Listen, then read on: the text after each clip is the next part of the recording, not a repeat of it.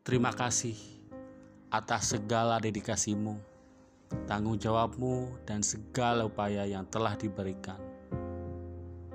Terima kasih telah banyak meluangkan waktu dan berjuang keras untuk itu. Terima kasih karena telah merealisasikannya dari apa yang menjadi tujuan hidupmu. Saya tahu tidak selalu jerih payah akan berhasil dan dihargai oleh orang lain.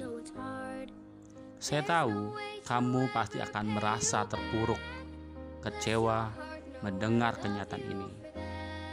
Tapi percayalah, kamu sudah melakukan yang terbaik. Kamu adalah pahlawan bagi dirimu sendiri, keluargamu, dan bahkan orang di sekitarmu. Sekali lagi, terima kasih. Kamu telah melakukan yang terbaik.